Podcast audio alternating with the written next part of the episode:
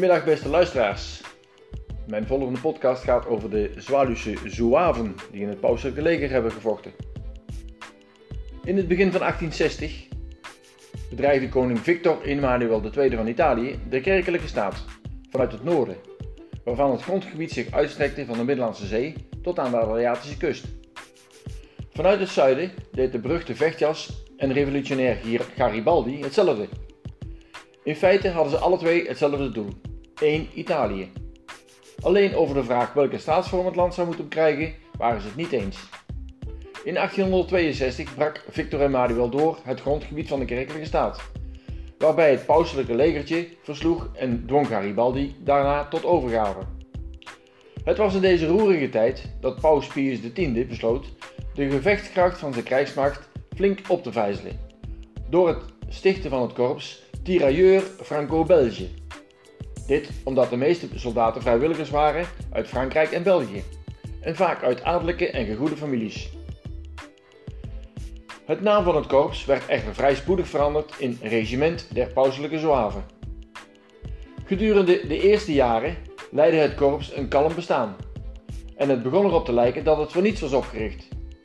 In 1864 kwam daar verandering in toen Napoleon III een geleidelijke terugtrekking van de Franse troepen uit Rome in het vooruitzicht stelde en Victor Emmanuel zijn krans schruikte.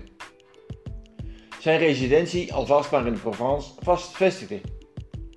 De bedreiging van de kerkelijke staat namen weer toe en nu gingen naar alle landen oproepen uit om vrijwilligers ter versterking van het Zouavenleger.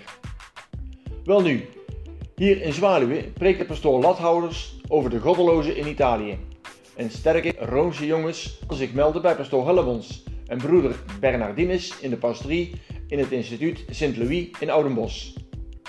Op Zwaluwe waren er twee zeer geïnteresseerd te, weten, Willem Broeders uit Hoge Zwaluwe en zijn neef Bart van der Veken uit de Geit in Lage Zwaluwe. Bart was zes weken ouder dan zijn neef. De oproep aan jonge katholieken was een groot succes en het regiment groeide uit tot zo'n 2000 man. Tussen 1861 en 1870 zijn er ongeveer 11.000 zwaven geweest, waarvan precies 3181 uit Nederland. In 1865 werd de druk op de pauselijke staat steeds groter en in 1867 trok onze Zwaluwse zwaven naar Rome, met een getuigschrift van de pastoor dat het goede katholieken waren en een verklaring van de dokter dat het gezonde kerels waren. Hiermee op zak waren ze eerst naar Oudenbosch getogen, waar ze werden ontvangen door pastoor Hellemons, onder wiens pastoraat de bekende namaak Sint-Pieter aldaar is gebouwd. Ook broeder Bernardinus van het instituut Sint-Louis was nauw betrokken bij de opvang van die kandidaatzoaven en zal de twee zwaluwnaars ongetwijfeld hebben gesproken. Eerst werden er in het instituut eens goed gegeten, met vlees, groente, fruit, bier, wijn en sigaren. De volgende dag kregen de lichting allerlei instructies, toespraken en ook een aantal wijze vermaningen. Want zij ondernamen niet zomaar iets. En de komende tijd was vol verleidingen. Na het uitgebreid afscheidsdiner reisden ze door naar Brussel, waar ze streng medisch werden gekeurd. Daar werd hun gevraagd waar ze vandaan kwamen. Willem keek even schuin naar zijn naast hem staande kameraad en mompelde binnensmonds uit Swallow.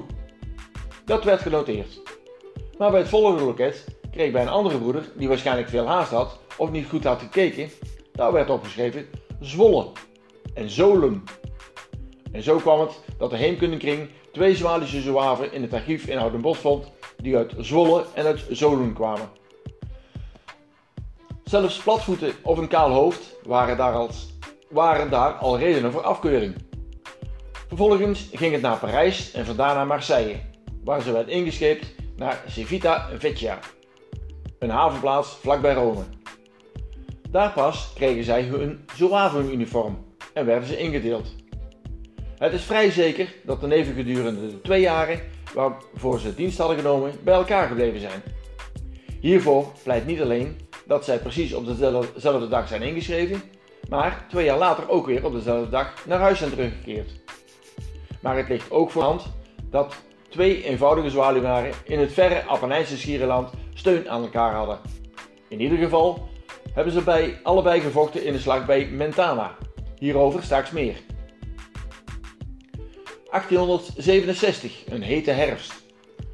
Onze helden konden hun borst meteen nat maken.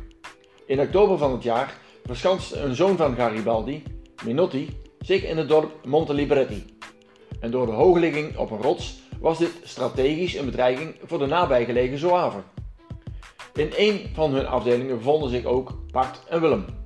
En de eerste zou later bij het ophalen van zijn herinneringen vertellen over de legendarische Zouaaf Pieter Jong uit Lutjebroek, waarmee, waarmee hij zij aan zij heeft gevochten. Op 13 oktober namen de Zouaven na enkele hevige en bloedige schermutselingen in de nauwe straatjes en streekjes Monte Libretti in. En het waren dan ook man tegen man gevechten. Deze slag kostte onder meer Pieter Jong het leven, nadat hij, volgens ooggetuigen, 14 garibaldisten de hersens had ingeslagen met zijn geweer, dat hij als klots gebruikte. Een hoogtepunt in die strijd vormde de slag bij Mentana op 3 november 1876. Toen het leger van Garibaldi door de Zouaven en Franse soldaten in een, in een slag die de gebeurtenissen in Monte Libretti nog in de schaduw stelde, afdoende werd verslagen. Ook hier vochten onze Zwaluwenaren en ontvingen na de slag hiervoor het zilveren Mentana-kruis, dat de paus speciaal voor deze gelegenheid had laten slaan. Daarna werd het wat rustiger voor de Zouavenleger en ze brachten voornamelijk de tijd door met het verjagen van struikrovers en ander tuig dat de streek onveilig maakte. Eén activiteit, typerend voor de mentaliteit van de Zouaven, verdient hier nog vermelding. In 1867 werd de bevolking van Albano Laziale het slachtoffer van een verschrikkelijke cholera-epidemie. Honderden inwoners stierven binnen heel korte tijd. Gemeentebestuur, artsen, zelfs de doodgravers waren in paniek gevlucht. En als laatste redmiddel werd aan de Zouaven gevraagd hulp te bieden. Die gaven ze. En onder onbeschrijfelijke omstandigheden heeft een aantal Hollanders en Belgen daar orde op zaken gesteld. En met groot gevaar voor eigen leven zieken verpleegd en doden begraven.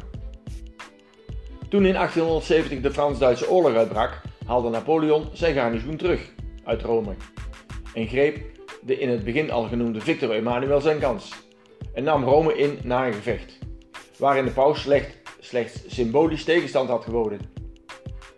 Pas in 1929 kwam in het verdrag van Lateranen, waarin beschreven werd dat Vaticaanstad werd erkend als onafhankelijke staat. De val van de kerkelijke staat in 1870 betekende tevens het einde van het Zwavenleger. Bart en Willem hebben dit niet meer meegemaakt. Ze hadden zoals de meesten een contract voor twee jaar getekend en waren op 12 februari 1969 al op weg terug, 1869 moet ik zeggen, al op weg terug naar Zwaluwe. Ongetwijfeld boordevol ervaringen en herinneringen aan bloedige gevechten en ellendige omstandigheden als de cholera-epidemie. Maar ook in het prachtige Italiaanse landschap en ook de eeuwige stad hadden zij mooie herinneringen waarin ze de paus zelf hadden aanschouwd. Op de keper beschouwd waren ze nu stateloos.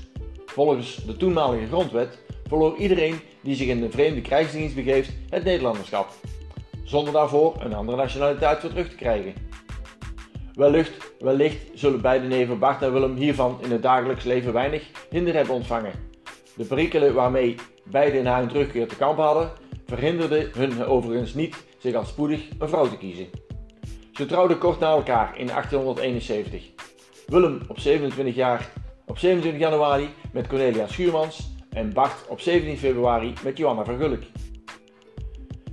Hetgeen ik nu heb voorgelezen is reeds eerder in een wat uitgebreidere uitgave vermeld in een van onze uitgaven van de Burt van juni 1988.